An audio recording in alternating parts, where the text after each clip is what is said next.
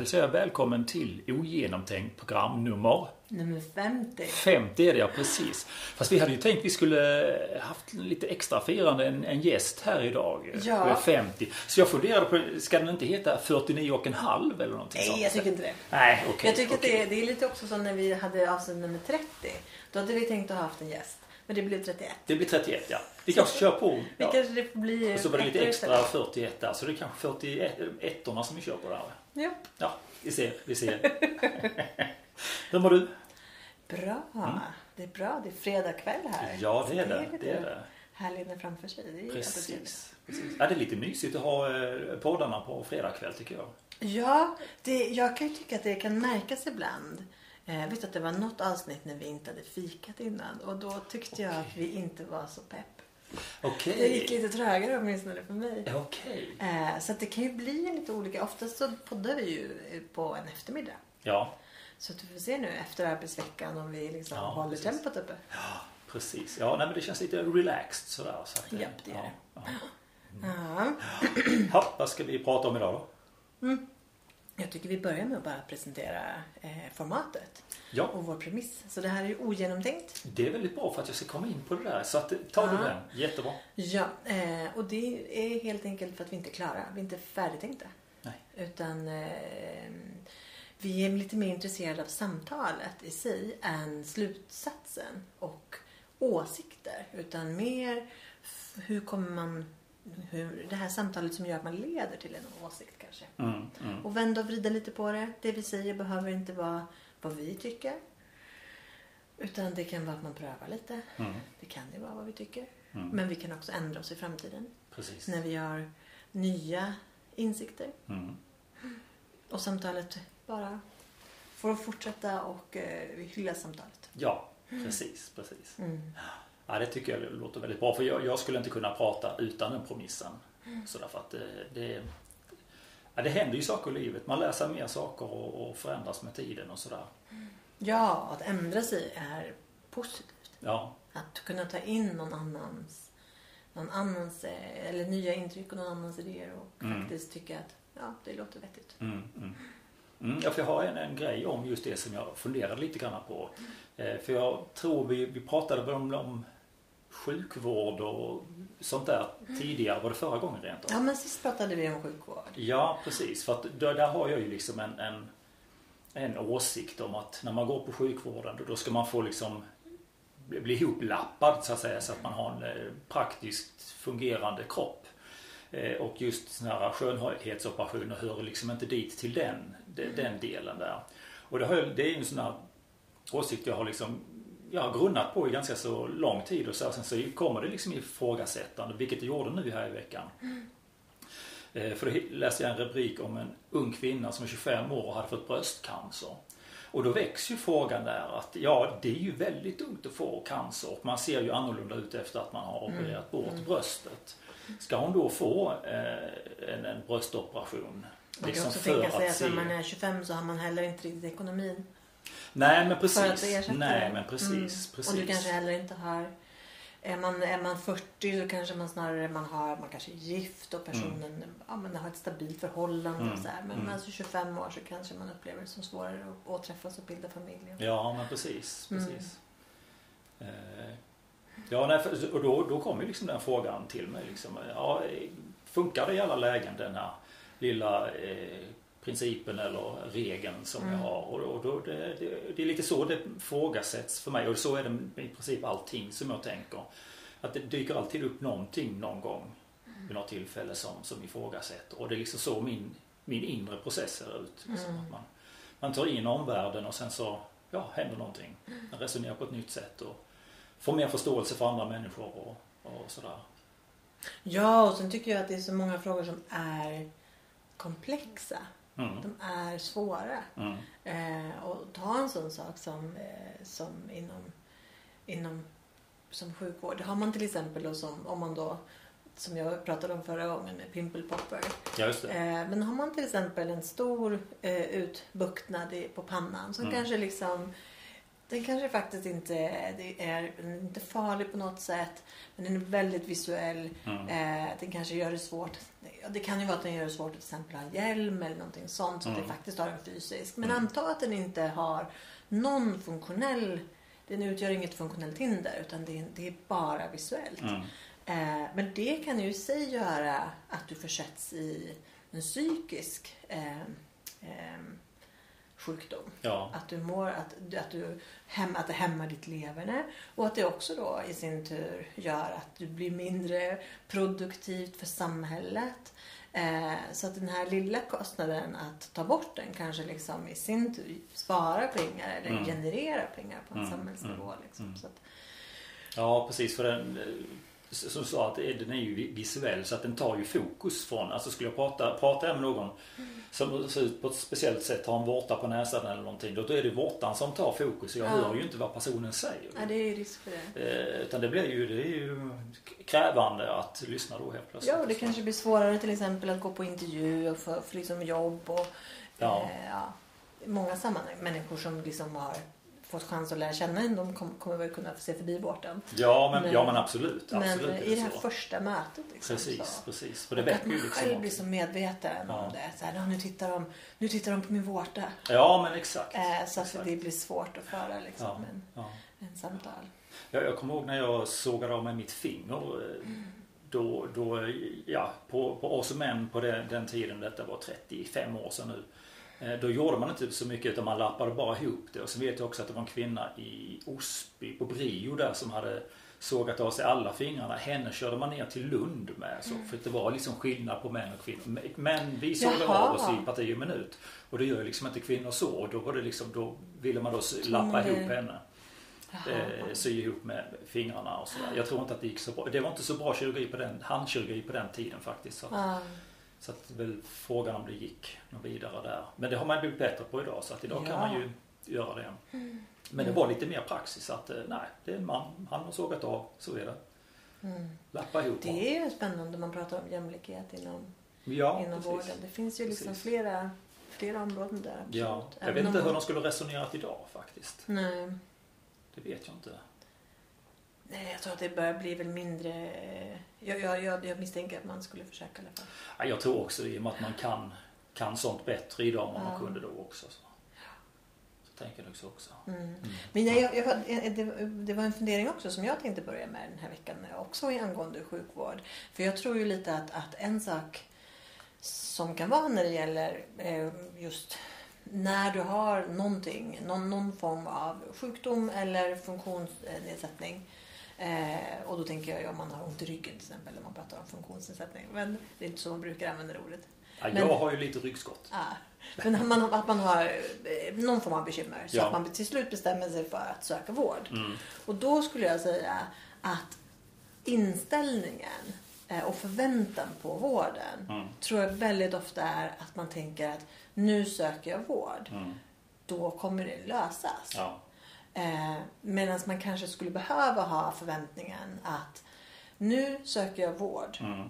Jag kanske inte kommer att nå fram till den här personen som jag möter. Mm. Den kanske inte kommer förstå Mm. hur, hur stort problemet är. Nej. Den kanske har bråttom, den kanske liksom så här, har en liten dålig dag. Vi kanske inte liksom kommunicerar väl, vi kanske inte klickar liksom, så att, Mm. så att de, hon förstår inte, eller han förstår inte, vilka problem jag har. Jag kanske måste söka hjälp ett par gånger Ja. för att liksom bli tagen på allvar. Mm. Det är ju lite olyckligt kan man Ja, tänka. ja, men, att, men den förväntan har man inte, Nej, tror jag. Utan nej. jag tänker mig att man tänker sig nu, och ofta, ofta så kanske man har gått ett tag Mm. och haft lite ont eller liksom haft något besvär. Och när man väl går och söker, då har man själv kommit över en, en spärr. Mm. Och då tänker man att nu har jag fått en tid, Mm. nu kommer det bli löst. Mm. Jag kommer gå hem, jag kommer få, eller gå dit, jag kommer få ett piller och sen kommer det bli bra. Mm. Eh, och även om man förstår att det inte är så enkelt så tror jag att mentalt så är det väldigt vanligt att man har den inställningen. Mm. Nu har jag kommit över och då kommer jag få hjälp. Nu Mm. söker jag det här och då kommer det lösa sig. Mm. Men många gånger så skulle jag säga, och jag har ju precis, jag har ju nämnt det förut med mina, mina myom, muskelknutor i, i livmodern. Och bara den processen. Jag tror att den är ganska talande för hur det ser ut. Mm. Först sökte jag vård och så fick jag veta att det, vad det var. Ja, nej, men det var inte så stort besvär så jag behövde inte gå vidare då. Sen söker jag igen när det har blivit mer besvärligt. Mm. Och då får jag inte riktigt komma vidare från, från den här första primärvården. Eh, utan eh, i det här fallet så blev jag erbjuden eh, hormonspiral för att stoppa blödningar. Mm. Men inte någon ytterligare hjälp. Och inte riktigt, blev inte riktigt tagen på allvar med de fysiska besvären som jag Nej, upplevde. Utan jag fick gå till en annan instans eh, och, och söka vidare för att för i sin tur få komma på, på en röntgenundersökning. Eh, och komma ytterligare vidare. Mm. Och sen så sex månader senare så står jag ju nu i kö för, Mm. att, för att få opereras. Mm. Eh, och, och då kanske det är ytterligare sex månaders Ja. i, i kö för det. Det vill säga att hela processen är ju liksom minst ett år. Mm. Och jag tror att det kan vara ganska vanligt. Mm. Och, och nu är inte det här nu är inte det här sjukligt på samma sätt utan det här är ju mer då i en funktionskategorin. Att Mm. kroppen inte fungerar Mm. eh, riktigt bra. Mm. Och det ställer till besvär. Men det är, inte, det är inte dödligt på något vis. Ehm, Så att på det sättet är det ju inte lika brådskande heller. Men jag tänker mig att även när det är saker som är lite mer besvärande så, Mm. så tar det. Det är en process och Mm. jag tror inte man är... Man tror inte att man är... Man har inte den förväntan Nej. när man söker. Ja, Jag har väl den föreställningen att, att jag ska få den hjälp jag behöver när jag behöver det. Eh, Och inte behöva envisas allt för Alltså är man Ja. sjuk så orkar man inte envisas så mycket som helst heller ju. Nej, Nej men jag Så att det, det, nej, är ju liksom en bra tankeställare att ha rätt förvä- förväntan så man inte...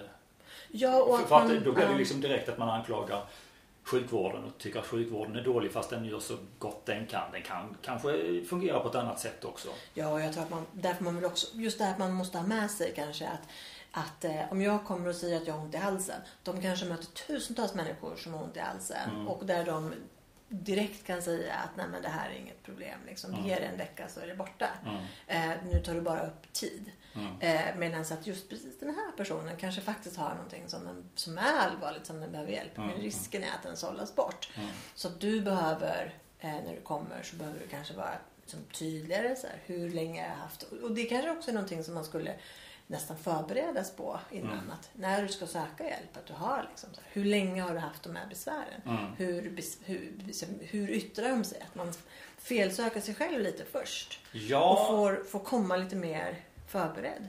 ja, precis.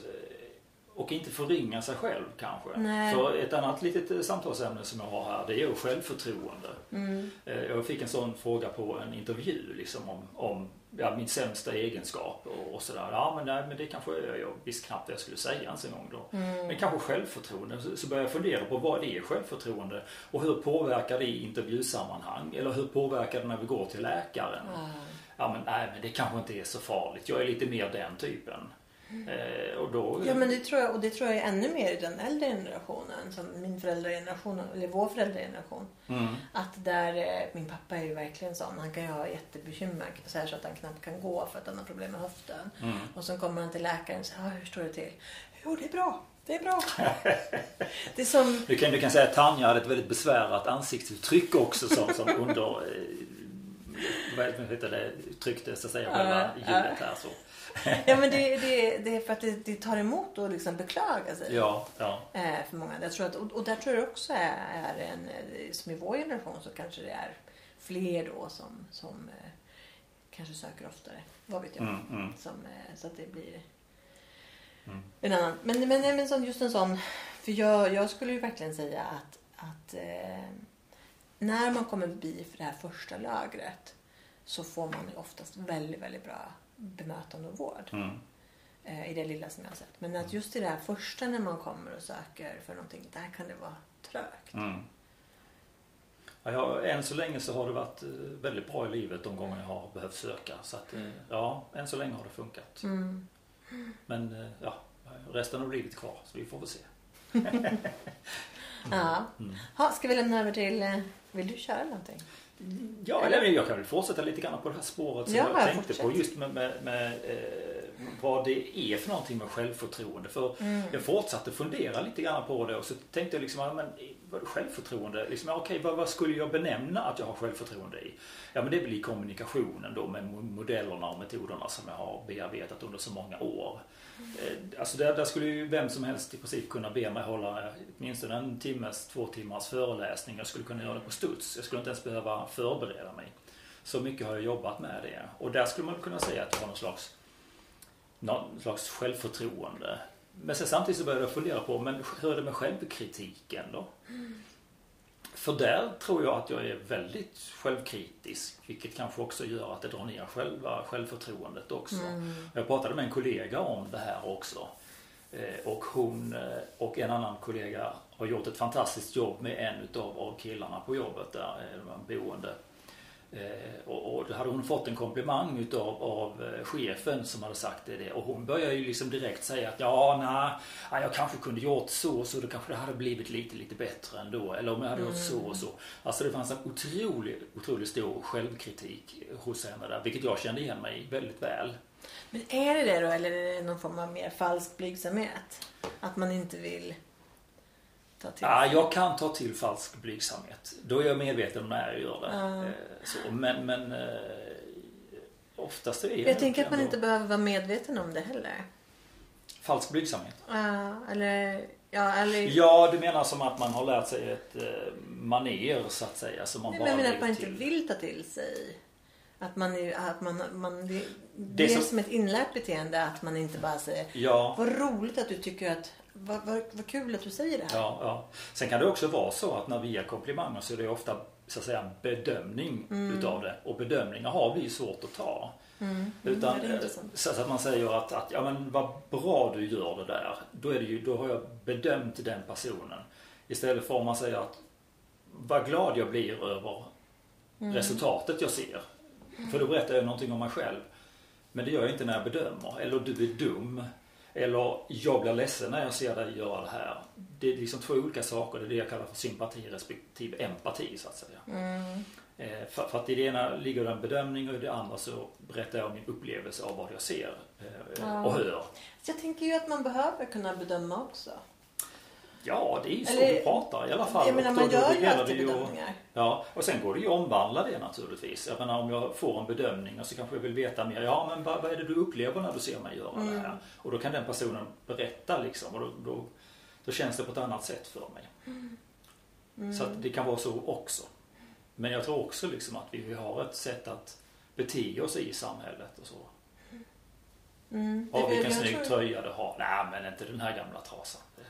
Ja, för Ja. jag tror att man har egentligen kanske lika svårt att ta emot positiv feedback som negativ. Mm.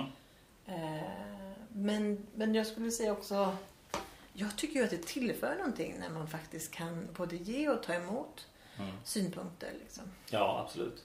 Och sen är det väl också lite grann, eh, om man nu pratar utifrån ett sympatiskt perspektiv med positivt negativt, att höra intentionen bakom vad som sägs. Att det finns en ärlig uppriktighet Ja. eh, med det. För hör jag liksom bara en bedömning, då, då kan jag ju bli väldigt sur om jag inte hör liksom själva viljan, välviljan från den personen. Mm. Jag har lärt mig mycket under åren märker jag. Eh, lyssna på olika sätt. Välja att tolka negativt kan man också göra. Ja. Jag, jag läste, jag hörde några olika mm, inpassningar på, på Youtube. Mm. Där det, för Youtube planerade tydligen att ta bort sin tummen ner-knapp.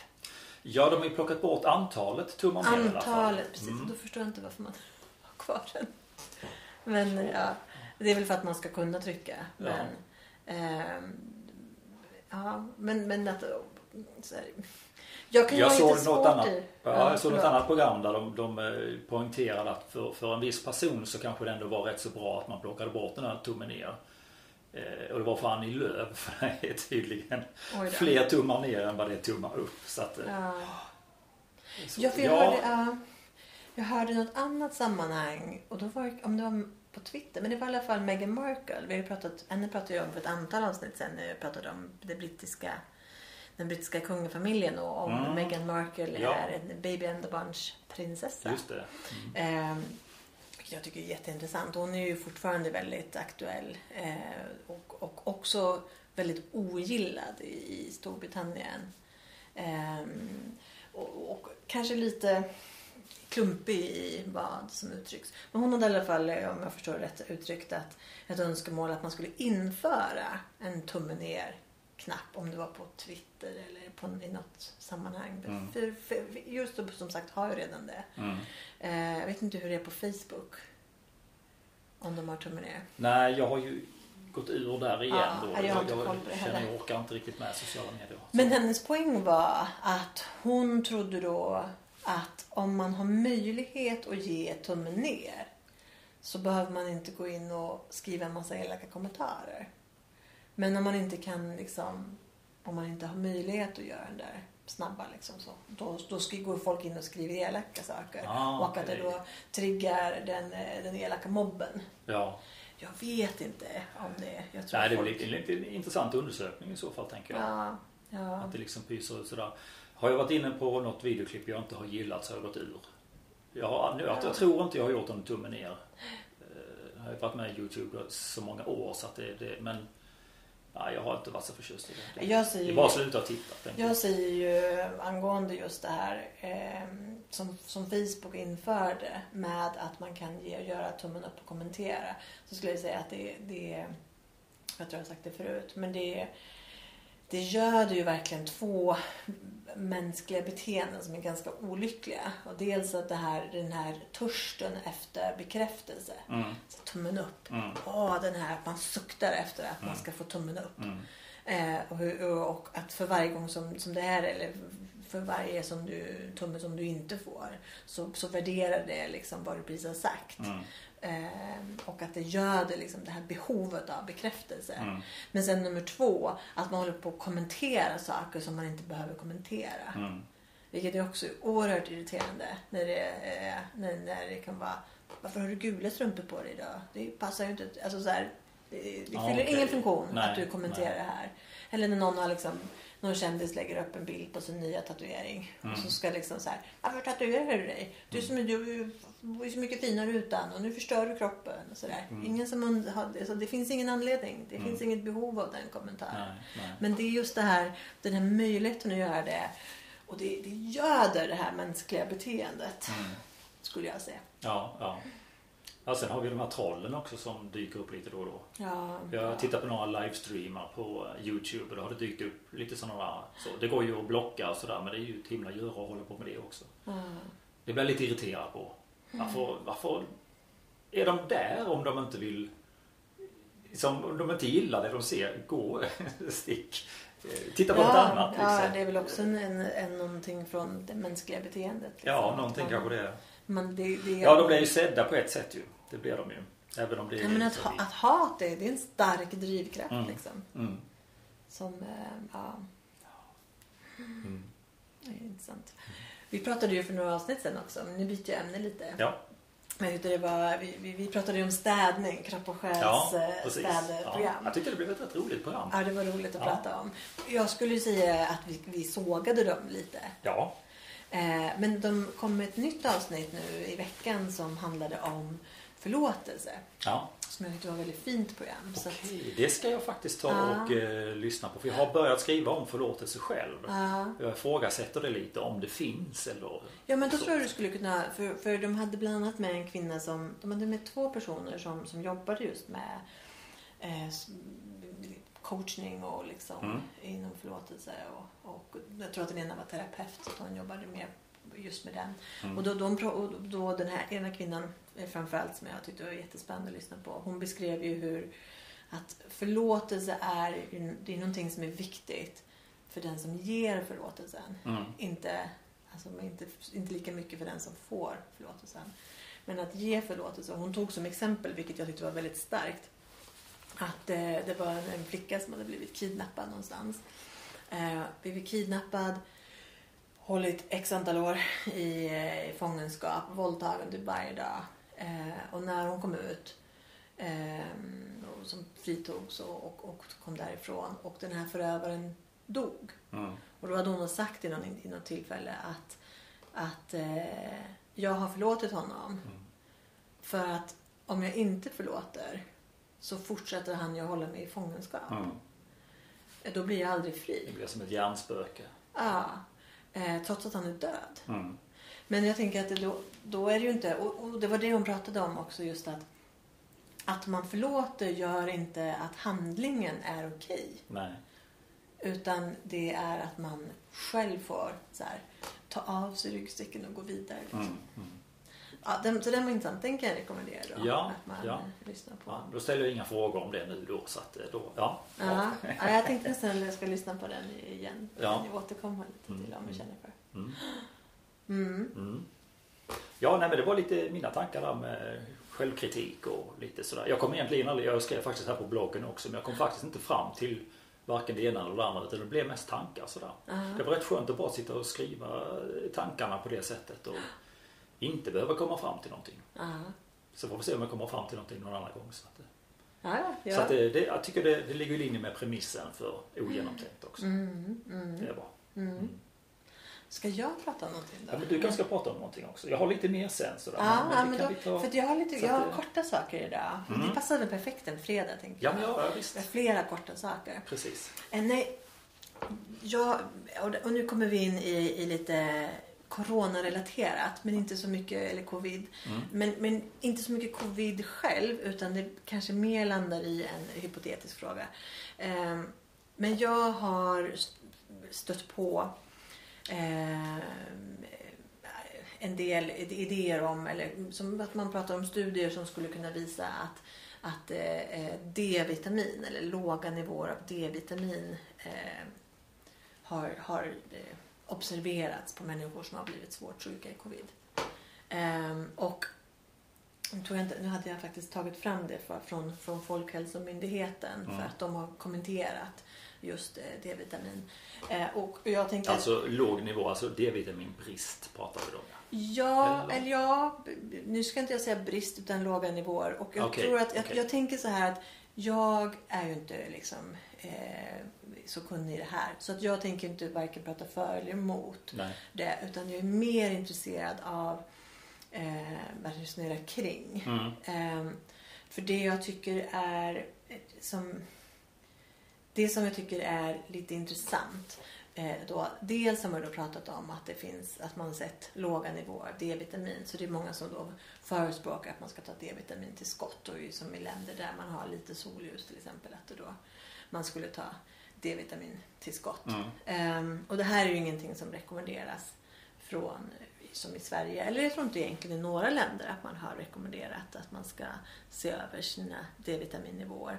Nej. nej. Eh, någonting annat som jag hörde häromdagen var att man pratade om eh, leptin och att överviktiga som då har blivit sjuka har höga halter av leptin. Leptin är ju då ett hormon som utsöndras som reglerar mättnad. Mm. Men att det i sin tur då skulle kunna ha en viss effekt. Och som sagt, jag, jag, kommer inte, jag, jag är inte intresserad av att eh, gå in i detaljer på eh, som studier eller för eller emot eller någonting. Nej. Men det jag tycker är lite intressant.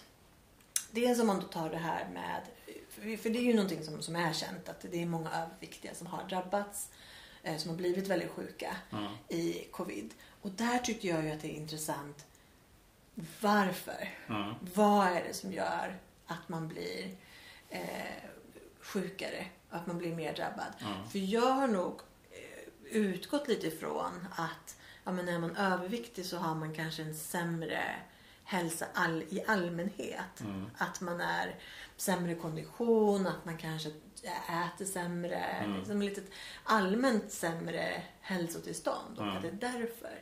Men det de då pratade om som jag läste i det här eh, med att prata om leptin. Då var det ju mer att ja, men, de här höga halterna i sig skulle göra som, på något sätt eh, eh, skapa någon form nästan som autoimmunt eh, reaktion som gjorde, gjorde kanske att man skulle till exempel ha svårt att stå emot eller, eller skapa antikroppar. Och. Mm. Mm.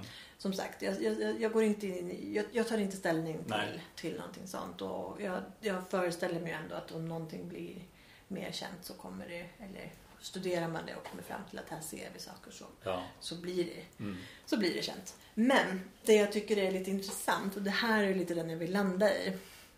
Det är att eh, anta att det ligger någonting i, i att eh, ja, är du överviktig eller har du liksom mycket utsöndrar mycket av, det här, av leptin. Mm. Anta att, att, eh, att det är så.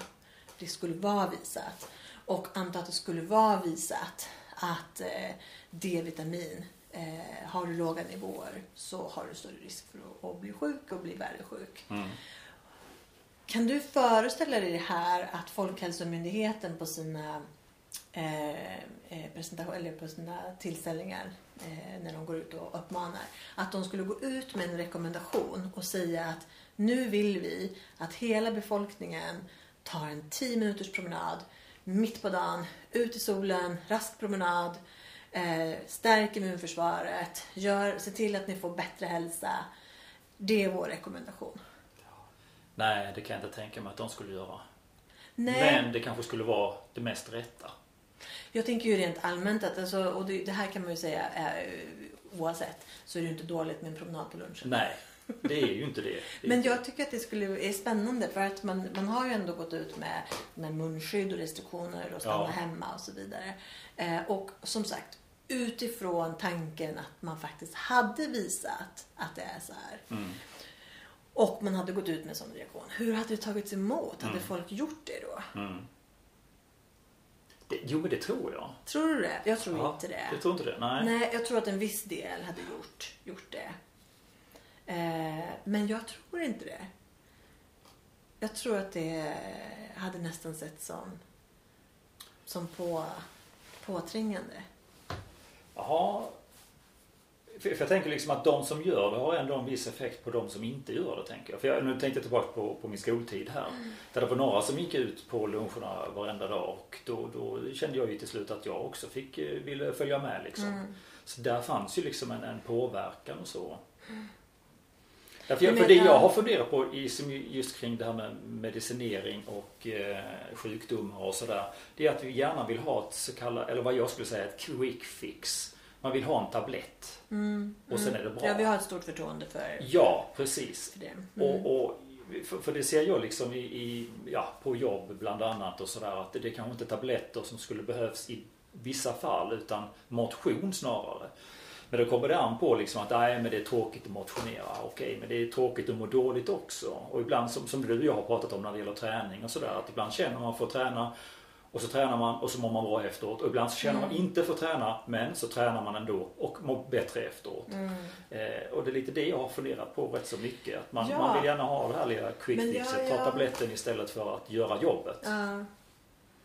Ja, och sen ska man ju inte liksom, eh, på något sätt förminska liksom, när det behövs medicin. Nej, Eh. nej, absolut, nej, nej, det är inte så jag Men- menar. Nej, det förstår jag. Jag bara, jag bara säger det. Ja, Men, men jag tänker att eh, jaha, jag, jag tror att tröskeln är ganska hög för att just göra de här liksom, ganska positiva Mm. rekommendationerna. Och jag vet inte om det skulle vara liksom, jag, jag tror dels att man tycker att det är lite påträngande. Eh, och att det också ses kanske inte som en seriös. Och då har vi det här med, med att det man säger quick fix eller liksom just det här förtroendet för, Mm. för medicinen. Mm. Att man då inte skulle säga att det var eh, förtroendeingivande för att gå, gå en promenad. Liksom. sen samtidigt, ja. ja. Det var en ny tanke. Så jag, jag, jag tänker liksom att, jag- att jag vet ju för några år sedan, eller ganska många år sedan var det nu, då gjorde man ju någon, någon grej utav promenaderna. Så alla gick omkring med sina eh, här promenadmätare. Jag kommer inte ihåg vad de heter. Ja, men- pe- pedometer. Ja, Ja, mm. och då var det ju någon tävling i, i hela Sverige om vem som gick längst. Att de där hänger nog kvar fortfarande. Jag har ju mitt aktivitetssamband. Ja, Väldigt många ja nu finns de väl i alla telefoner och sådär. Ja, men då, då var det liksom en speciell dosa man fick Precis, då var det en liten dosa. Jag hade Ja, också en precis. sån. Det var så Men, men då gjorde man ju liksom någon grej utav det här med motioneringen och, Ja. och sådär. Jag minns jag stod och pratade med ett par kollegor som höll på med det där. Och de stod och hoppade under tiden för att den där pedometern skulle gå liksom medan det stilla då. Jag vet inte om det hjälpte men det såg lite kul ut. Ja fast det är klart att det är jättepositivt för hälsan också. Att Ja, men visst är det gör det. Den typen Det är det ju absolut rörelse. Jo, jag tror att på företag skulle man nog kunnat ha, ha pushat för det. Eh, och just det här som jag tänker mig att man faktiskt hade sagt att eh, ja men vi ser till att, att Har ni, har ni, för att om man, om man till exempel har en kort lunch, att man då skulle säga att Nej, men vi, då, då förlänger vi liksom så att Mm. man har möjlighet att, att, Mm. att kunna gå ut. Eller att det är så här, eh, om det är, ja, men så, vad det nu skulle kunna vara som skulle underlätta för att ta dem där. Mm. Men jag tror ju att det finns också en stor grupp som faktiskt skulle tycka att att, eh, och det tänker jag rent allmänt när det gäller att man när man, när man klagar över att det är mörkt i Sverige Mm. på vintern och det är det ju. Ja. Eh, Men det är så här, "Åh, det är mörkt när man åker till jobbet och det är mörkt när man åker hem. Man bara, ja, fast de här andra timmarna när man är på jobbet så är det ju ljust. Mm. Eh, Och man har ju raster. Mm. Men jag skulle säga ändå att det inte är jättemånga som utnyttjar det. Utan att man kanske hellre...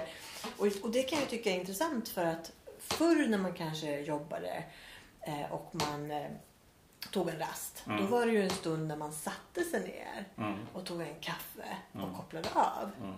Och sen gick man tillbaka och jobbade och då var man uppe på benen och, och sådär. Och sen blev det kaffe igen liksom, Mm. lite senare.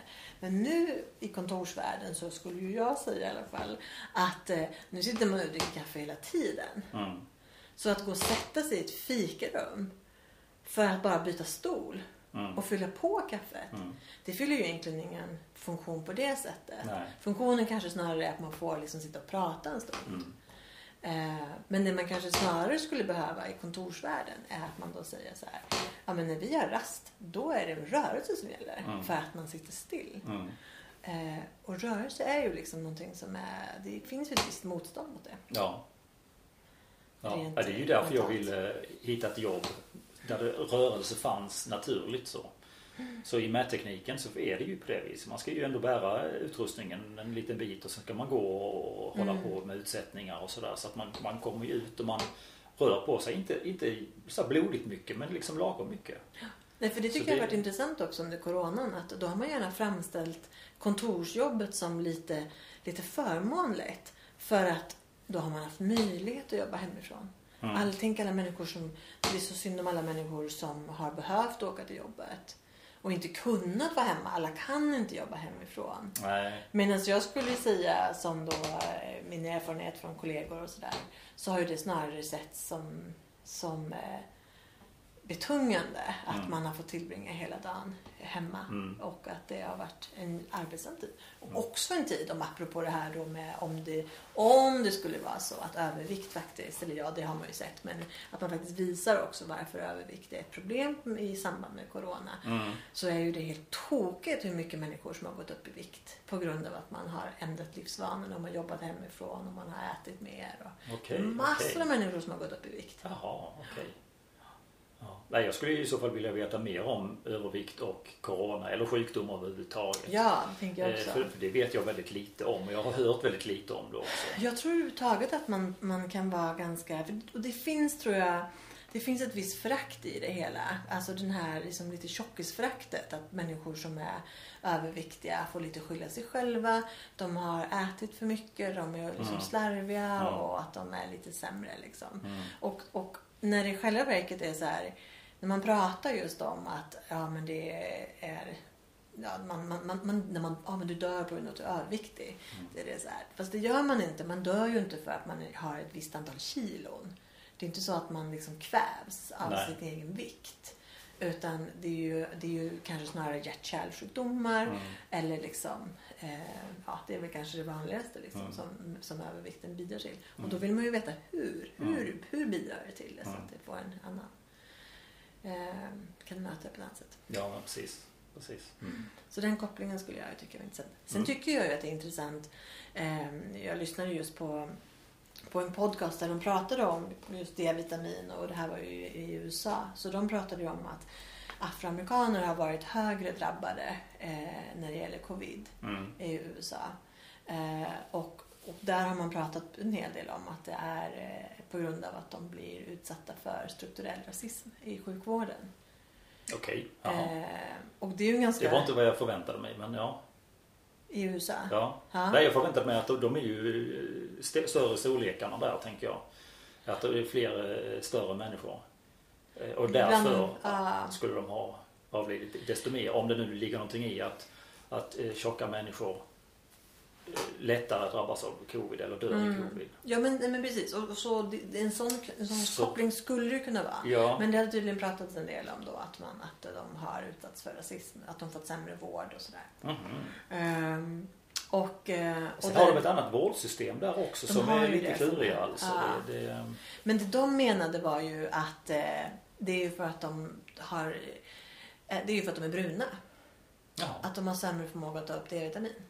Ja, ja, och aha, det är där Så det var det som, det var det ja, som ja, ja, de gjorde eh, som, Okej, som koppling. Och det är ju också intressant och som sagt utan att säga att det, att det ligger någonting i det här. För nu det här är ju bara spekulationer. Ja, ja precis. eh, förrän man har visat studier. Precis, precis. Ehm, och, eh, men, men väldigt krasst är ju att tidigt under coronapandemin här i Sverige så var ju somalier väldigt drabbade. Det, Mm. var, en, det var ju en, en, det. en grupp som man pekade ut. Mm. Och där man hade, då kom man väl med funderingar på att ja, men det är för att de, det är vanligare att man jobbar i kollektivtrafiken och de är utsatta för en större eh, Ja, också att de själva bor tätare. De bor också. tätare, Eh, att de inte kunde svenska och kunde tillgodose sig informationen Ja. som Folkhälsomyndigheterna hade skickat ut. Ja, Det var det man sa. precis. Vilket är ju så olika typer av socioekonomiska faktorer. Mm. Men här tycker jag ju att det är intressant. För om det skulle visa sig att nej, det var för att de hade liksom sämre, lägre nivåer av, av D-vitamin. Mm. Att det var det gjorde en stor, och kanske övervikt också, vad vet jag. Men, Mm. men just ehm, eh, men just om man pratar om att varför, varför drabbades den här gruppen? Eh, ja men de är väldigt krasst att man skulle, att om, det, om det rent krasst skulle vara så att det var, hade att göra med hudfärger. Mm. Och då blir ju det en, att då har ju de diskriminerats på grund av sin hudfärg. För att de har inte fått, ehm, alltså det blir ju en form av, av ehm, diskriminering på hudfärgen för att de har ehm, För att de inte fått informationen om D-vitaminet eller om, så. om man har sett indikationer på det Ja. men man har inte gått ut med den informationen eh, så blir det ju Ja. lite krasst. Fast, fast gå ut med en indikation låter ju inte det heller så. inte Nej, man måste ju liksom undersöka Man måste det veta lite lite mer vetenskapligt. Ja, för samtidigt så sa- samtidigt kan jag ju just med D-vitamin Mm. så är det ju, det finns ju för det första så är det ganska lätt att mäta sina värden. Mm. Eh, så det är ju någonting som man faktiskt kan göra. Och just när det gäller om man ligger lite i riskzonen för det så kanske det skulle vara lämpligt. Mm. Och sen att ta, om man inte liksom, för man kan ju överdosera eh, med ett kosttillskott. Mm. Men om man följer liksom den rekommendationen som det oftast anger så är väl den risken ganska liten. Mm. Och speciellt om man bara, om man inte sitter och tar året runt liksom, utan du kanske tar de månaderna som det är. Som det är. Ja. Så det är väl det som är att om man, om, om man såg, och det här pratades ju om redan för ett år sedan. Med, Okej. Så att det är ju ingenting som har kommit, som har kommit allra senast utan man har pratat om det ganska länge. Mm. Och såg man sådana indikationer så hade det ju varit en väldigt enkel rekommendation att ge. Mm. Att, eh, att eh, det finns en indikation att det här hjälper. Ja, ja, absolut. och att ja. man då... Men har man pratat om det på Folkhälsomyndigheten? Ja, det jag, står ju, jag, på följer, deras... jag följer ju eh, alternativ media. Så, så där har jag ju sett det. Ja. Men, men så har jag inte hört om det på något Nej, men annat de har håll. på sin, de har, nu hade jag sparat den, den sidan. Man kan gå in på Folkhälsomyndigheten. Mm. Och det de säger där, det är ju att det de, det de avråder ifrån, det är ju att man, att man stärker immunförsvaret och därmed tycker att man inte behöver vaccinera sig. Ah, okej. okej. Eh, och jag kan ju tycka att, att det behöver ju inte vara antingen eller. Men jag förstår ju att det är många människor som resonerar så. Mm. Eh, och att man inte vill. Då vill man kanske inte säga att boosta, passa på att boosta ert immunförsvar. Mm. Utan då vill man vara entydig och säga att det är vaccination som vi rekommenderar Mm. för att ge det största, bästa skyddet. Mm. Men, men sen så är det ju lite krasst att det finns ju det, alltså vi, vi har ju en livsstil som gör att vi kanske försämrar vårt immunförsvar till exempel med att man sover för lite. Mm. Ja. Eller då möjligtvis med D-vitamin. Mm. Eh, och att man, som, att man faktiskt skulle se till att det är så här, ja, men, ta en promenad Mm. mitt på dagen för det Mm. gör att du får en bättre sömnrytm Mm. och att du sover bättre. det här är inte tidpunkten när man, man snålar med sömnen. Utan nu går vi liksom till, som nu till exempel om man nu tänker sig att nu är det en risk att vi kommer till, att det kommer en ny våg. Ett sätt att rusta sig om man, man pratar liksom, förutom då att tvätta händer och, och sprita sig och kanske ha ansiktsmask och hålla lite avstånd och Mm. vaccinera sig då. Eh, men att det faktiskt är så här, se till att du sover ordentligt. Mm. Fuska inte med sömnen. Nej. Ta lite D-vitamin och ta en promenad mitt på dagen. Se Mm. till att du får ljus. Det kanske inte skulle vara en sån jättemärklig rekommendation heller. Nej. Men jag tror att man inte vill, eller jag ska säga så här. Varför vill man inte göra det om det, är, om det skulle, vara, skulle vara så? Nej, det kan man ju fundera på. Det kan man fundera på. Men jag tror att man inte vill framstå... Jag, tror att man vill ha en entydig Mm. eh, rekommendation. Mm. Mm. Ja, vi får se vad som dyker upp i framtiden. Ja, jag skulle i alla fall säga. Jag var ju faktiskt i somras och, för jag ville bland annat veta vad jag hade för järnvärden. Mm. Eh, och då gjorde jag ju en allmän kontroll och Mm. då ingick ju bland annat D-vitamin. Mm. Så jag gjorde faktiskt det här om dagen att jag kollade tillbaks. Det här var ju ett mätvärde som jag tog i juni. Mm. Det vill säga under sommarhalvåret ja. när solen. Så man kan ju tänka sig då att då var eh, mina D-vitaminnivåer på väg upp. Mm. Eh, och från kanske nu september så borde de kanske då rimligtvis avta lite. Mm. Eh, och då tittade jag och då såg jag att eh, jag låg i, i, inom referensintervallet Mm.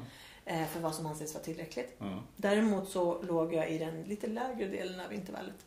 Så det som då ansågs som tillräckligt men inte optimalt. Mm. Och det var ju som sagt i juni så att Mm. jag tänker att jag, jag ska faktiskt ta lite D-vitamin. Mm. Mm. Yes. Ska vi gå över till dig då? Ja, jag har lite kvar. Ja, precis. eh, och det, jag funderade lite grann, ska vi se här. Ja, det var lite grann det jag har gjort idag faktiskt. Det, som då handlar om eh, personlighetstest. Det har vi pratat om tidigare vet jag. Ja. Eh, Vilket jag, jag tycker ju att det är, det, det är ett roligt ämne. ja, Men inte kanske så roligt eh, om man ska vara lite seriös med det. Just när det blir, om man använder det som ett styrmedel för att faktiskt när man rekryterar. ja, ja nej, jag fick ju lite sådana frågor, tanke, eh, att tänka på liksom, vad, vad ska de ha det här till? Hur läser de ut vad de vill ha? Vet de Ja. själva vad de vill ha exakt? Och så. Men sen samtidigt när jag gjorde liksom en, tittade på mig själv och gjorde bedömningen av mig så, så tänker jag liksom att ja, jag söker ett teknikjobb här och jag ser ut som en filosof i papperna mer eller mindre och sådär. I och för sig vissa saker är abstrakta så att det kan ju vara bra i alla fall. Men, men ja, jag fick lite tankeställare och sådär. Sen var det då att man eh, tänkte jag plocka fram lite i några sådana här grejer som jag tog upp. eh, eh, Och då är det då man får skatta sig själv då alltså från det att stämmer inte alls, stämmer inte särskilt väl, stämmer ganska bra och stämmer perfekt eller stämmer bra. Eh, Och då var det som en, en sån här fråga då. Redan där kan vi bara säga att man, man, man kan inte lägga sig på ett neutralt. Nej, det går inte. Utan Det, det är måste- fyra. Jag hade velat bredda den här ytterligare ett snäpp. Alltså för att det blir, man blir väldigt bestämd på saker och ting. Och så. Ja. Det- jag, är ju, jag tycker att saker och ting är mycket mer flytande. Ja. Som när det handlar om sociala biten till exempel. Att ja men Alltså jag, är inte, jag, jag gillar ju att vara själv. Mm. Men inte fullkomligt ensam. Det är ju helt olidligt ju. Jag menar, är jag ensam en dag, jag menar, då går jag och sätter mig på, på kaféet så jag får någon slags gemenskap. Pratar med Mm. servitrisen eller vem, vem det nu kan vara. Mm. Eh, så, så att det finns ju alltid en balans i det hela. Ja, jag är ju en eremit. Ja, okej. Jag skulle kunna, jag kommer ihåg en sommar faktiskt när det var, jag hade precis gått på semester. Ehm, och det var ganska uselt väder. Så Mm. att jag var inte ute direkt på, på någon dag. Och sen så insåg jag liksom bara att men nu har jag typ inte ens pratat med dem på flera dagar. Nej. Och inte, så så jag öppnade ytterdörren och gick ut och bara så här kikade. Mm. Eh, för då, då kändes det som att ah, det skulle kunna, världen skulle kunna gått under på de senaste dagarna och jag hade inte märkt Ja, något. okej. Det var skönt. Det var skönt. Ja, jo, precis. Ja. Och här fick jag då en fråga som var Jag ställer upp för andra även om det blir på min egen bekostnad. Eh, Och där är ju jag, jag försöker ju alltid hitta balansen att jag Mm. vill ju inte ge upp på mig själv och sådär. Men där, där hamnade jag tydligen på stämmer ganska bra. Eh, och det är så jag beter mig men det är inte så jag vill bete mig utan det är liksom Nej, Fast där blir det ju också så lurigt för att ja, eh, om, man, om man aldrig gör det så blir det ju också väldigt konstigt. Ja men precis men Ja någon gång så Jag menar på ett, ar- en arbetsplats så måste man ju göra det. Då har man liksom någon slags plikt som man har åtagit sig tänker jag. Ja. Precis. Så. Eller jag är en sällskaplig person och då fick man skatta sig efter det. Eh, Ja det är jag väl men inte hela tiden. Enligt min mening är alla människor i grund och botten goda. Jag stämmer inte alls tror jag faktiskt att jag tryckte det. Ah, ja, det är ju väldigt... För att det, det, det, Ja, det vet vi väl. Det finns väl många exempel på som, som styrker att det inte är så. Ja men precis. Jag tänker snarare att vi är formbara. Utifrån livssituationer vi befinner oss i. Ja, fast jag skulle nog säga att det finns de som är liksom... Puckade. Ja, eller nästan ond, on- onda skulle jag nog faktiskt säga.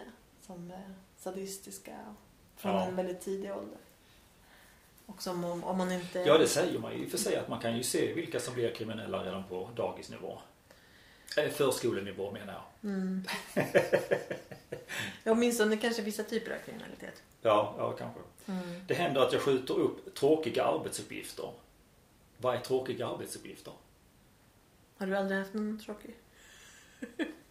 Ja men liksom, ja. Men Så, sak- så fort jag börjar Ja. tänka så blir allting så himla komplicerat. Ja, ja, ja. ja.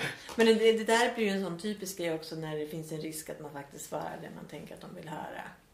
Ja, det finns det ju. Det finns det. Det finns det.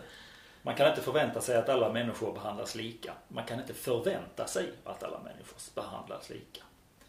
Kommer inte ihåg vad jag svarade på den. Mm. Nej, kommer inte ihåg. Ja, apropå att fundera på varje fråga. Jag var på en intervju för länge sedan. Där intervjuaren tyckte att ah, men nu avslutar vi här med några snabba frågor. Mm. Och du ska svara ja eller nej. Ja. Och så frågar han bland annat. Eh, är, ditt, är ditt skrivbord städat eller stökigt? Det är ingen ja nej. Nej det är det ju inte så. Eh, men, men det är ju ändå liksom ytterligheterna. Mm. Så det ska vara snabb, snabb svarat. Antingen, Det är antingen eller. Ja. Och jag bara suckar liksom. Och så det så här, ja, det är ju alltid städat när jag går. Det är Ja. städat när jag kommer. Men när man arbetar, Mm. då, då arbetar man ju med Ja, saker. det då, gör är det, Ja. ju- då är det stökigt. Så att om det kommer en annan person Mm. och tittar under dagen, då kommer Mm. de ju tycka att det är jättestökigt. Det är grejer överallt. Men det är ju för att jag är mitt i det och så städar jag liksom. Mm. Ja, han tyckte att det var, alla frågorna var på det sättet. Ja, okej. Att jag var så här. Det här är inte en ja och nej fråga. Alltså det Nej. är ingen antingen eller fråga. Nej. Utan det, alla frågorna kräver en utläggning. För Mm. annars, vad, vad, vad är det du får för svar annars? Mm. Det, det var väl lite det jag tänkte på under det här. Och det var 200 frågor dessutom. Så att, Jösses, det är, så att det var riktigt de ordentligt. snurriga sådär. efteråt. Så en annan här. Jag behöver ha ett lugnt arbetstempo. Det behöver jag alltid. Eller behöver. Jag vill ha det. Det är påfrestande att hjälpa andra om jag själv inte vinner något på det. En väldigt egoistisk eh, inställning där. Men det var lite kul. Nej, det där var någonting annat som jag har tagit. Eh, Jag har känt att jag vill hämnas på andra människor. Okej. Det här är lite annan typ av frågor än de Ja, som jag jag, brukar lite- få när jag gör Ja. personlighetstest. Ja, de är lite precis. tillspetsade. De är lite tillspetsade för att det här, för jag var beredd på andra typer av frågor där jag dessutom kunde skriva en kommentar. Som jag fick på förra stället på, eller på ett annat ställe. Eh, Så att jag var lite peppad för att nu ska jag skriva massor. Ja. Och, och hänvisa till, till, till min bok tänkte jag. För jag visste på ett ungefär vad som skulle komma. Men det gjorde det inte då. då så att, eh, ja. Jag ska i alla fall ha telefonmöte här på måndag. Så att då, då får jag förklara lite grann. Om jag hade tid skulle jag läsa filosofi. Jag läser filosofi. Det, det blev ju jättekonstigt. Och då skrev jag tydligen här, för den hade jag också eh, dumpat. Eh, Stämmer inte alls. För att, ja det, det gör det ju faktiskt inte. Om jag hade tid skulle jag läsa filosofi, vilket inte stämmer alls. I och med att jag läser filosofi och har tid. Ja, jag tycker det var väldigt, det var väldigt skojigt. Det är verkligen ordvrängeri stundtals. Det mesta med mig är att jag alltid är glad och positiv. Ja, men jag är inte sur heller. Det är också så konstigt med, med filosofi för det kan ju betyda, alltså, vad, så återigen, vad, vad är det ni vill veta liksom? Ja, Men vad är det ni vill ha svar på? ja. Eh, om jag har tid nu, men då... Det finns väl kanske andra saker som ligger högre på listan än specifikt än filosofi. Och filosofi är ju ganska brett. Liksom. Ja, ja, det var väldigt Och specifikt. varför skulle man vilja för läsa filosofi? Man kanske vill filosofera med det. Ja, ja, jag, jag är lite både också där. Ja. Att vara oklar har ibland sitt syfte. Eh, Ja, stämmer ganska bra kanske. Det tar mycket energi från mig att umgås med andra människor. Ja, det kan det göra. Det beror på vilka jag umgås med. Och hur många? Ja, absolut. Jag hade råkat trycka på samma. Eh, tråkiga arbetsuppgifter ser jag till att göra klart på en gång. Ja, det var ju åter, åter det där med vad är en tråkig arbetsuppgift? Ja. Är det på arbetet eller handlar det om eh, någonting här hemma? Jag kan ju skjuta på det men det är ingenting som stör mig ju. Ja, okej. Du tänker till och med på, på en sån sak. Jag, jag kan liksom vänta med disken. Men inte hur länge som helst gör jag ju inte. Nej, men på jobbet kanske det är en annan sak.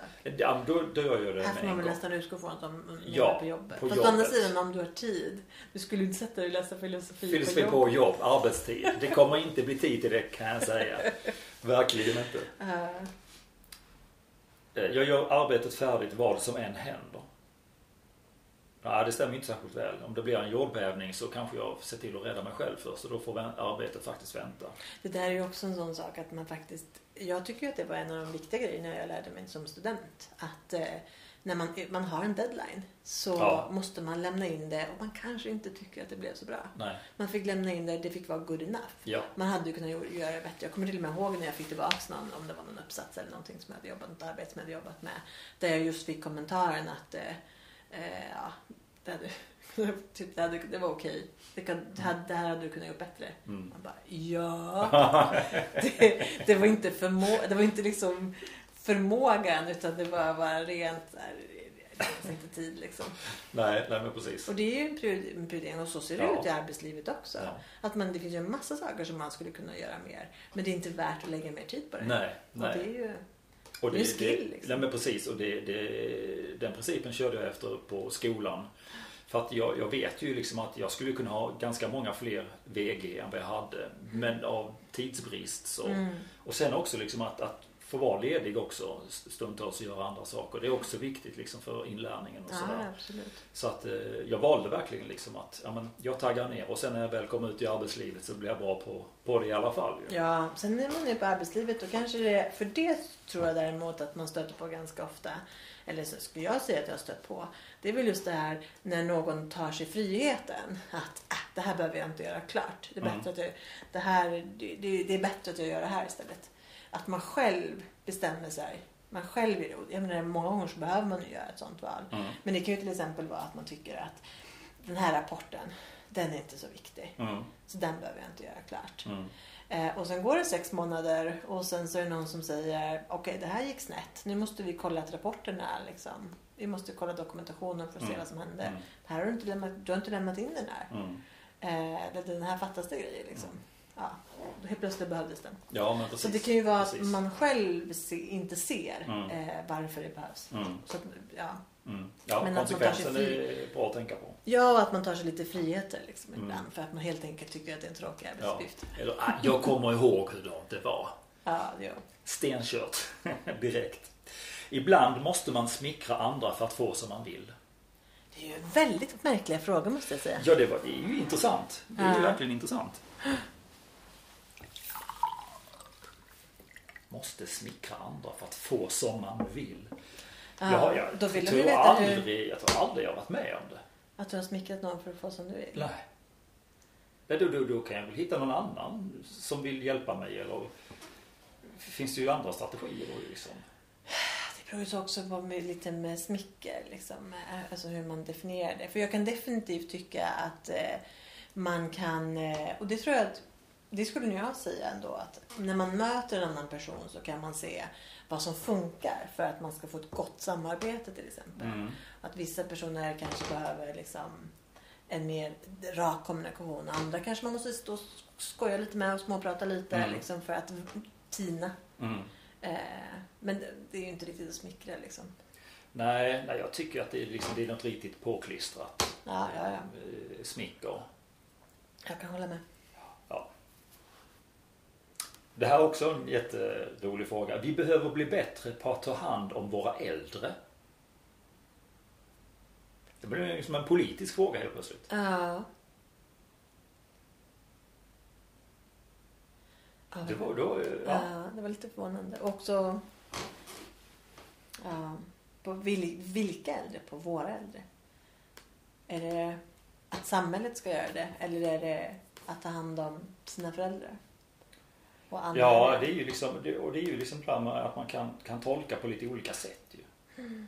Eller vi behöver bli bättre på att ta hand om våra äldre. Alltså Ja. vi, alltså alla behöver bli bättre på det. Det där tror jag är en sån idé liksom, i Sverige att, att eh, man anser att vi har tappat lite det. För att Ja, Just tittar man på andra länder och säger att i andra länder så är man så himla bra på att ta hand om sina äldre. mm, Där du har kanske generations, alltså generationer bor ihop. Och, Mm.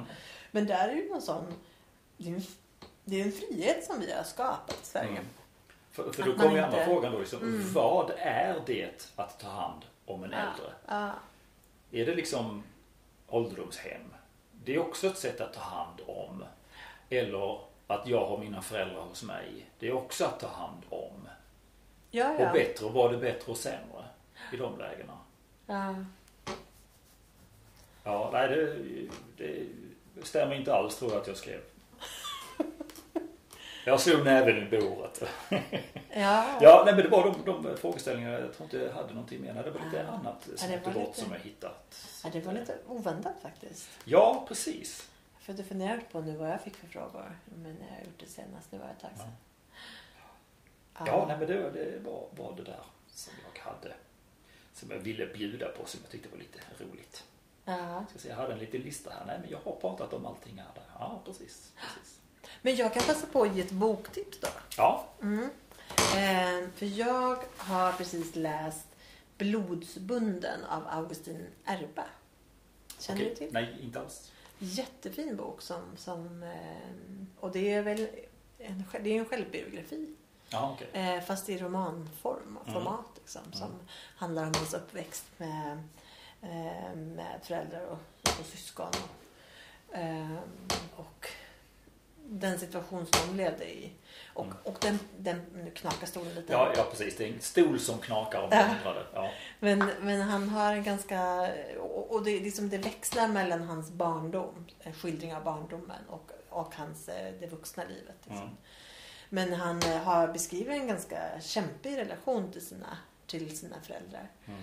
Eh, som liksom omfattar även fysiskt våld. Mm. Och, eh, och på många sätt en olämplighet liksom, i Mm. att vara förälder. Eller i föräldraskapet. Ehm, och det, det slog mig lite när jag läste det. Och sen så blev det en parallell nu häromdagen. För det har ju precis varit det här brutala barnmordet. Eller barnamordet Ja, i Hässelby. Ehm, och jag reagerade när jag eh, lyssnade på lite eh, jag lyssnade på radion och sen så intervjuade de människor i, i omniden. Mm. Eh, och jag reagerade på att det var så många som, som eh, kommenterade att ja, det första jag tänkte på var mina barn. Mm. Vilket på ett sätt är logiskt. Mm. När man hör om ett barn som är skadat så, så går tankarna direkt till sitt eget barn. Mm. Men det är ju å andra sidan också jättemärkligt. När det är så här. Men dina barn kanske inte... Alltså, de flesta är väl inte jätteoroliga för att deras man eller liksom partner ska knivhugga barnen och kasta ut dem genom fönstret. Det tänker jag mig att av, av grejerna som man är orolig för ska hända för sina barn så Mm. ligger det väldigt långt ner på listan. Ja. Ehm, och jag tänker snarare, och jag skulle ju säga det liksom lite med erfarenhet när man, man pratar med människor som kanske just har en kärv relation till sina föräldrar eh, på olika sätt. Mm. Eh, att det är väldigt svårt för omgivningen att ta till sig att en förälder kan vara elak mot sitt barn. Mm. Och att det faktiskt... Eh, eh, ja, jag, tror att det, det, där di- direkt så, så, så gör man... Alltså det, det, det, det, det är någonting som går i clinch. Som är så här att nej men ett förälder, en förälder älskar ju sina barn. Mm. För det gör jag. Mm. Och därför så, så skulle man inte skada dem. Mm. Så om någon uttrycker att man har blivit skadad av sin förälder Mm. så möts man gärna då av eh, att nu överdriver du nog lite Mm. och att Mm. de kan inte ta till sig. Han beskriver just i den här boken hur, eh, hur att eh, han beskriver bland annat att när hans pappa dog, han Mm. dog ganska tidigt i hjärt, hjärtat eller någonting liknande. Mm. Och att han beskrev hur han blev lättad. Nu, nu spoilar jag lite. Mm. Men eh, man, man får läsa ändå. Mm. Men, men, eh, eh, men att han blev lättad. Mm. Och att människor som han sa att ja, men flickvänner och så vidare. De kunde liksom inte ta till sig, eller terapeuter Nej, för den saken. nej. Kunde inte ta till sig att, eh, att han blev lättad. Mm. Eh, för att de tyckte att ja, men det här är ju en projicering och liksom eh, det är någonting annat. Jag, jag ler när du säger projicering. Ja. Psykologer är bra på det. Ja. Att liksom se projiceringar i allting. Ja, medan han väldigt krasst det var att jag Nu förstår. generaliserade jag kraftfullt här märkte jag. Ja, Ja, ja. Det gör vi också. Men, men just det här att, att den, här, den här vetskapen att nu kommer inte jag bli slagen mer. Ja. Att det är en lättnad. Mm. Och att man faktiskt kanske kan känna det också parallellt med någon sorg. Eh, men att det är eh, att det blir en, en, en lättnad. Mm. Och jag tror att man måste vara så ödmjuk inför andra människors relationer Mm. till sina föräldrar. Mm. Eh, och att det faktiskt... eh, Det är ingenting som... Det, det är ju bara barnet Mm. som kan uttala sig om hur, hur bra någon har varit som förälder. Mm. Eh, och syskonen kommer inte ens ha samma Mm. upplevelse. Mm.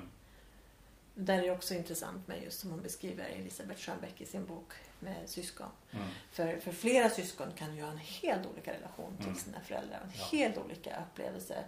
Bara beroende på hur, hur, hur erfaren föräldern blir, hur många Mm. syskon det är, eh, hur tätt det är mellan syskonen. Mm. Och, och sen är det ju väldigt krasst att eh, det är ju personer. Mm. Så att olika personer klickar ju också. Mm.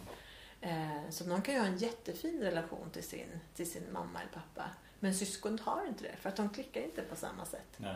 Och har kanske blivit på olika sätt blivit förfördelad under, under uppväxten. Mm. Och ibland så kanske det är överdrivet. Mm. Eh, men det är ju heller inte upp till någon annan att, att, att döma eller ha åsikter om. Nej, alltså var och en har ju sin rätt till sin upplevelse Mm. utav av det.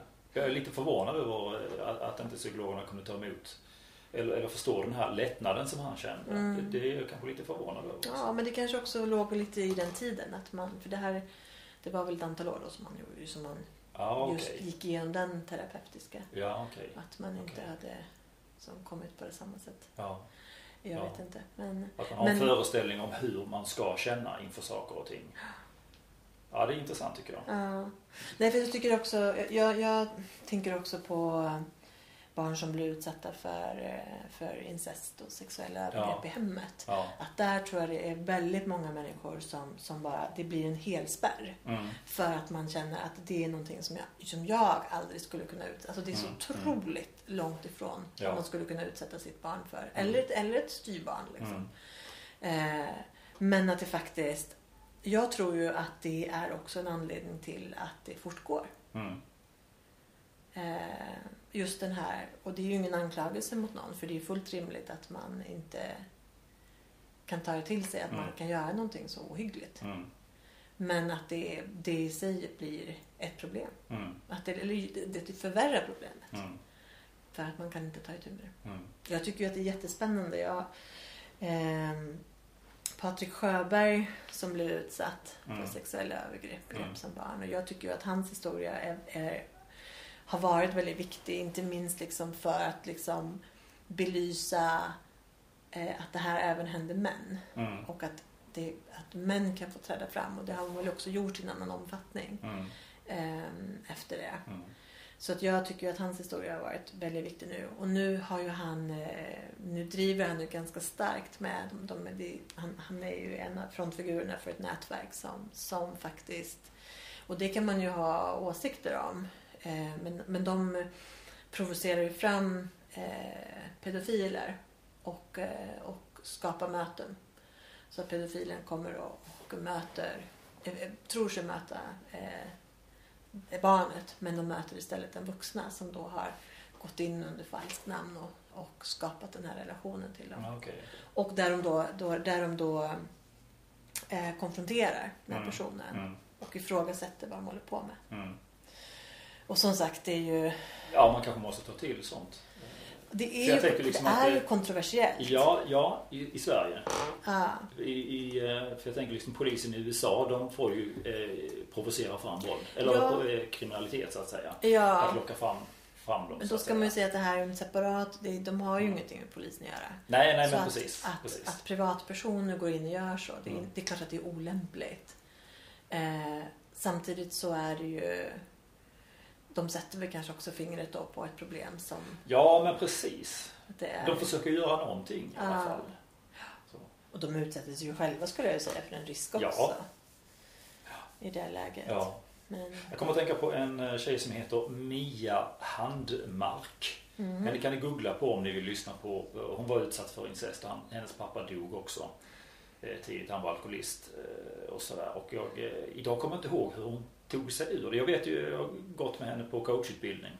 Eh, Så hon har föreläst om detta och eh, använt sig av de metoderna för att liksom lättare leva med det hela. Mm. Och sådär. Eh, Jag lyssnade på någon podd för något år sedan. Jag ska ta och lyssna om den faktiskt för det var, nu har jag faktiskt glömt det mesta. Men Mia Handmark, det är Mm. intressant att lyssna på också. Mm. Jag får kika på. Mm. Ja, för det är ju lite så här, om man kommer tillbaka till just det här med förlåtelse. Mm. Att det kanske... Alltså vad, vad innebär det egentligen? Vad innebär ordet? Mm. Handlar det om snarare att man eh, ger sig själv frid? Mm. Där man på något sätt man, hant, man, man hanterar det och sen så ger man sig själv så här, frigör sig ifrån det. Mm. Eh, snarare lite- än att ja. förlåta. Mm. Jag tänkte vara på väg att säga någonting men jag tänkte jag gör inte det. Men Jag tänkte, ska, lite. Ska ja, lyssna precis, på det lyssna på det och sen så, så ja, får Mm. vi se var det landar någonstans. så. Mm. För det är ett lite spännande ämne tycker jag. Det tycker jag. Nej, men jag, men jag, det jag tror lite allmänt, och jag tycker verkligen, jag ber om ursäkt om jag avslöjade lite grejer från boken, men jag tycker verkligen att den var en fin upplevelse att läsa. Mm. Så vad heter det nu sa du? Blodsbunden Ja. med Augustin Erba. Mm. Ehm, och, eh, men, men jag skulle verkligen eh, säga att om man, när det är någon som öppnar sig och berättar någonting. För att för många som, som har varit utsatta för någonting eller som inte har en bra relation till föräldrarna så Mm. kan det ju vara ett väldigt, väldigt motstånd liksom, Mm. att prata om det. Så där tänker jag i alla fall att det kan vara eh, det här som du var inne på någon gång på, vad var det, på empatidagen? Mm. eh, ahimsa eh, dagen. Men att man, att man inte kommer med motfrågor utan när någon pratar att du hejdar dig själv. Ja. Som bara, bara, låt, Bara bara, lyssna, bara lyssna och ta emot. Mm. Inte Eh. fixar. Inte fixar och inte ifrågasätter utan Precis. bara, bara Det, det, Absorbera. ja, det är väldigt eh, speciellt. Det finns ju en clownteknik för hur man uppträder. Alltså, man, vi pratar ibland om improvisationsteater och sådär, men det finns ett regelverk kring det här med improvisation och vad det är för någonting. Och den här clowntekniken går ut på att när en annan person har pratat så måste det vara tyst i tre sekunder innan man får lov att prata. Och de tre sekunderna, det är som en hel evighet ibland. Eh, Vi svarar ju på varandra direkt liksom och vi till och med avbryter varandra. Men det är ju sällan det blir tre sekunder mellan oss här till exempel då, då. Eller mellan andra människor när man sitter och pratar sådär. Så just det här med att liksom bara lyssna, inte fixa. Det är en, tycker jag, en rätt fin grej att kunna ge det till andra människor. Men det är frustrerande ibland liksom. Och, och ibland så får man kanske till och med fråga att ja, vill du liksom ha tips eller ja sådär. För att vi, vi går jättelätt in i det här med tipsen. Men ibland är det kanske bara så att vi vill prata och sen är det bra med det. sharing.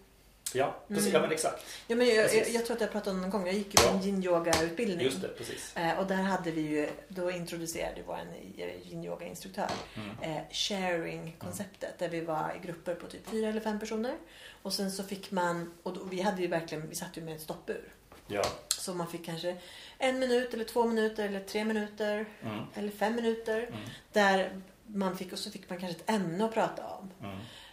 Eh, och, och så fick man då så här, nu är det bara du. Mm. Du får inte ge bort tid. Nej. Eh, utan de här fem minuterna, Mm. de är liksom dina. Och ni andra får bara sitta. Ni får inte säga någonting. Ni får Nej. inte liksom, utan bara lyssna. Mm. Sharing. Mm. Jag, hör, jag hör hur, hur du vårdar ordet sharing. Mm. Så det inte blir kärring utav det. Nej, det skulle jag nästan säga. För, att jag, för, för det var lite roligt. För jag, kärring är ju, men jag upplevde ju käring. Eh, det är ju ganska stor skillnad på ordet kärring Mm. och käring. Ja, jag hör skillnaden. Att man, det är ju lite så här lite bonnigt när man säger åh, jag ska hem och prata med kärringar. Ja, Men det finns liksom en mer ömhet i det än kärringen. ja men det, Eh, ja, kärringen. den tonala skillnaden. Ja, men jag gillar ju just att sharing-samtalet. Mm. Eh, att det är, jag skulle säga att det är någonting som kvinnor kanske önskar i högre utsträckning. Att inte, eh, så här, åtminstone är det många som beklagar sig över det. Ja, jag vill ju bara prata av mig. Men då skulle ju min man, då skulle han lösa mina problem. Som att jag inte kan lösa dem själv. Jag Mm. vet ju precis hur jag ska göra. Jag vill ju bara prata av mig. Mm. Eh, och, och så står mannen helt oförstående och bara Men varför berättar du det här för mig om du redan har löst det? Mm. Eh, så det är väl... Typiskt maskulint. Jag har ju, vi har ju pratat om det här förr. Ja, vi har varit inne på det Eh, och då tipsar jag igen om Youtube-klippet. Om man skriver nail in forehead. Ja, ja. Den är lika rolig varenda gång Jag tror jag inte sett den. Nu måste jag faktiskt göra det. Ja, ja, den Ja. är fruktansvärt rolig. Den är så typ. Jag känner igen mig i, i mansrollen där direkt alltså. Ja. Ja, det är väldigt skojigt. Ja, det är, Ja, jag- väldigt skojigt. Mycket skojigt med, med maskulint och feminint liksom. Så ja, det, Jag har ju faktiskt tränat lite mer på, för att jag, jag, jag får ju erkänna att jag, jag gillar ju att lyssna på våra poddavsnitt. ja. Eh, för de flesta människor kan det ju vara besvärande att höra sin egen röst. Jag tycker att jag har en trevlig röst att lyssna på. Ja, okej. Så, att, så att jag gör det ganska gärna. Men, in, men de tidiga avsnitten Mm. så är det lite ansträngande för att jag hör mig själv hur jag Ja, okej. vill Okej. bara prata. Ja. Jag, alltså jag lyssnar inte på mig som på mig på det sättet utan det är liksom, jag blir uppslukad av själva ämnet. Mm. Men det är ju här också nu när vi sitter men även när jag lyssnar. eh, Nu var det länge sedan jag lyssnade på oss faktiskt. Eh, Men, men då vet jag liksom att ja, jag bara fortsatte att lyssna för att det var så himla trevligt. Mm. det var Ja, lite ja. där det var. Att, eh, ja. Men jag tycker också att det kan vara ganska... Så nu avbryter jag lite. Mm, eh. Men jag kan också tycka att det är lite, har varit lite... För mig har det varit lite nyttigt. Att faktiskt så här, men ta det lite lugnt. Luta dig tillbaks och liksom bara ta in vad som sägs. Och jag tänkte också på det att ibland så har vi ett ohyggligt tempo. Mm. Och det trodde inte jag att, att vi hade, eller att jag pratade så fort som jag gör. Eh, Men det ska vara rätt tempo i alla fall när vi lägger ut det på, på nätet. Så jag har inte drivit upp det, det har jag inte. Men jag har också märkt när jag till exempel sitter på jobbet att om man inte, om man, om man tar sig an den här stilen Mm. där man så här, låter personen så här, jag låter dig prata liksom. Mm. Då, då dröjer det innan man kommer in. Och många gånger så Mm. kommer man inte in i samtalet utan du måste in och avbryta för att Och det där viktiga man vill ha sagt, det är liksom för sent. Ja, då har man kommit ifrån det. Mm. Mm. Så det, det är en... Ja. Det är ju också faktiskt en sån att man kanske snarare ändå sharing-pratet där man Mm. får typ tre minuter på sig att prata oavbrutet. Mm. Men att faktiskt kunna prata mer kärnfullt. Ja, Att kunna, att kunna liksom uttrycka någonting ganska kortfattat. det kan jag säga. Det fick jag lära mig när jag gick till terapeut de första gångerna med Mm. min psykolog. Eh, och då var det väl, jag tror att det var en timme. Spelar ingen roll egentligen. För så efter en timme så sa han att ja, nej men nu är tiden slut. Va? Jag är inte färdig tänkte jag, eller sa jag till och med. Liksom. Så att där fick jag liksom verkligen lära mig vad är det som är det väsentliga Mm. i det jag ska säga och, och faktiskt välja ut det. Och ibland så hade jag skrivit en lapp om vad det var jag ville berätta också. och Sådär. Så att, eh, ja det var lite grann den, den eh, hårda vägen där. Mm. Men det var väldigt lärorikt. Det var det. Mm. Ja, för jag tror att det är någonting som man inte tränar. Överhuvudtaget tycker jag kommunikation är någonting som, om man då inte läser specifik kommunikation. Men Mm. jag tänker mig, jag som är ingenjör till exempel. Vi hade ju ingenting sånt. Eh, ingen träning i som att här, hur kommunicerar vi på ett lämpligt sätt? Hur modererar vi möten? Hur, Mm. skriver vi, liksom, hur bör man skriva mejl? Eller Ja. mailpolicy eller mötespolicy. Och, eh, menar, man kan prata policy men också hur man gör i praktiken. Liksom. Mm. Vad innebär det att du... Eh, alltså den här kedjan som man kan skapa genom att skriva några korta rader lite för snabbt Mm. och sen skicka iväg det till tio personer.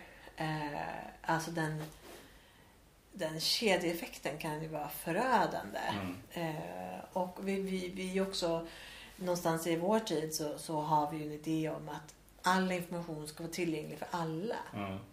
Eh, och ju mer information desto bättre. Och det, Mm. det håller jag inte alls med om. Nej. Utan att eh, jag tror att många gånger så behöver man också, inte minst liksom på jobbet, men kunna luta sig tillbaks lite och faktiskt tänka att om jag behöver veta det här så, så kommer jag få informationen. Mm. Men jag behöver inte liksom kanske ha bakgrunden på precis allt. Eller Nej. liksom, utan att kan ta liksom att okej, men nu, nu Mm. händer det här. Mm. Okej, men jag, jag kommer få veta det jag behöver. Mm. Sen kan man ju vara intresserad så det är inte det. Men att man... Jag, jag kan möta ganska ofta just den här lite armarna i kors och bara ja men vi får ju ingen information. Mm. Vi, vi är alltid de sista som får Mm. veta. Mm. Och då är det ju, och i vissa fall så har det ju varit så här fast vi har informerat om Mm. det här och du har varit med. Mm. Men uppenbarligen så har inte informationen landat. Nej. Och då är det en fråga och det är ju ingen anklagelse mot dem utan det kan ju vara liksom från en själv också. Mm. Så här, jag har berättat det här flera gånger så har jag. Men det har ändå inte tagits emot. Nej. Mm. Men jag tycker det, det är Ja, men där kan man slå med lite kommunikationsteknik om man vill det. Om man kommer ihåg det rättare sagt i stunden. Ja. Liksom att vad man, när man berättar någonting så ställer man frågan vad har du hört mig säga? Eller skulle du vilja berätta vad du hört mig säga? På ett Ja. ungefär i alla fall. Så får man feedback på det. Men så tänker jag också att det kan handla lite grann om tillit till de som ger information också. För jag, jag tänker på ett jobb som jag hade eh, där det, jag, jag satt sjöng i en kör alltså, eller i operakören. Var det där? Ja, det spelar ingen roll. Det var en väldigt tydlig bild utav in, in, rätt information. Och det gick dirigenten fram till, om vi säger altarna och gav dem information om, om någonting speciellt. Och då började vi undra, vad är det de får veta för någonting som vi inte får veta? Mm. Men, men då sa ju dirigenten det att ni behöver inte veta det utan det handlar bara om dem. Mm. För att det blir, li- alltså informationsflödet blir lite väl mycket också. För då ska Ja. man hantera det med. Då räcker det ju med liksom att man får, får det man behöver. Mm. Och lita på att man får det man behöver. Ja, jag tycker överhuvudtaget att nu lever vi verkligen i att det är så, det är så enormt mycket information från olika håll. Och Ja. inte minst från våra prylar Mm. med alla notifieringar som skickas och det är, Precis. poppar upp små fönster och det piper och, Ja. och det är väl därför jag blir så trött på, på sociala medier också. Att jag, jag känner liksom att jag orkar liksom inte ta in det också. Mm. Utan det, det är liksom, ibland får jag stänga av helt enkelt. Och det är rätt skönt. Men jag upplever ju också, jag, jag undrar om det är om vi har liksom, jag tror ju att det har pikat för länge sedan. Mm. Och nu är det naturligtvis så att det finns, det kommer andra eh, det kommer andra ersättare eller andra sociala medier som, som de, den yngre generationen liksom eh, snappar upp och Mm. använder sig av. Och sen kommer de överge det och så kommer det ersättas. Liksom. Mm. Men jag tänker liksom ändå på, på folk i ja, 40 plus minus 10-15 år. Liksom. Eh, som, som, har varit ganska, som har varit ganska starka liksom, anhängare till Facebook och Instagram Ja, och sådär. Har man liksom pikat där? Mm. För det tror jag man har. Jag tror det också. Eh, och jag tror inte att det nödvändigtvis ersätts av något annat. Utan att man faktiskt släpper det liksom mer och mer. Mm. Jag, min, min bild, och det här kan ju bara hitta på Mm. men min bild är ju att det är fler som sitter med en bok Mm. på tåget. Än vad det var för några år sedan. Mm. Sen Ja, är det är väldigt trevligt. Det är det. ja, jag tycker också att det är trevligt Mm. med pappersformatet. Precis. Precis. Mm. Ja, vi kanske ska runda av. Ja, det kanske vi ska göra. Ja, och som sagt, sen har vi ju lite förväntningar på nästa avsnitt. Precis, för då Som kommer inget- ju en gäst. Ja, då är det yes. Ja. Ja. ja, det ska bli jättespännande. Det ska faktiskt bli spännande. Ja. Det, ska bli, det är inte Jonas den här gången, utan Nej. en annan. Precis. Ja. Precis. Ja, så att, ja, det blir spännande. Ja, men då tackar vi för idag. Vi tackar för idag. Hej!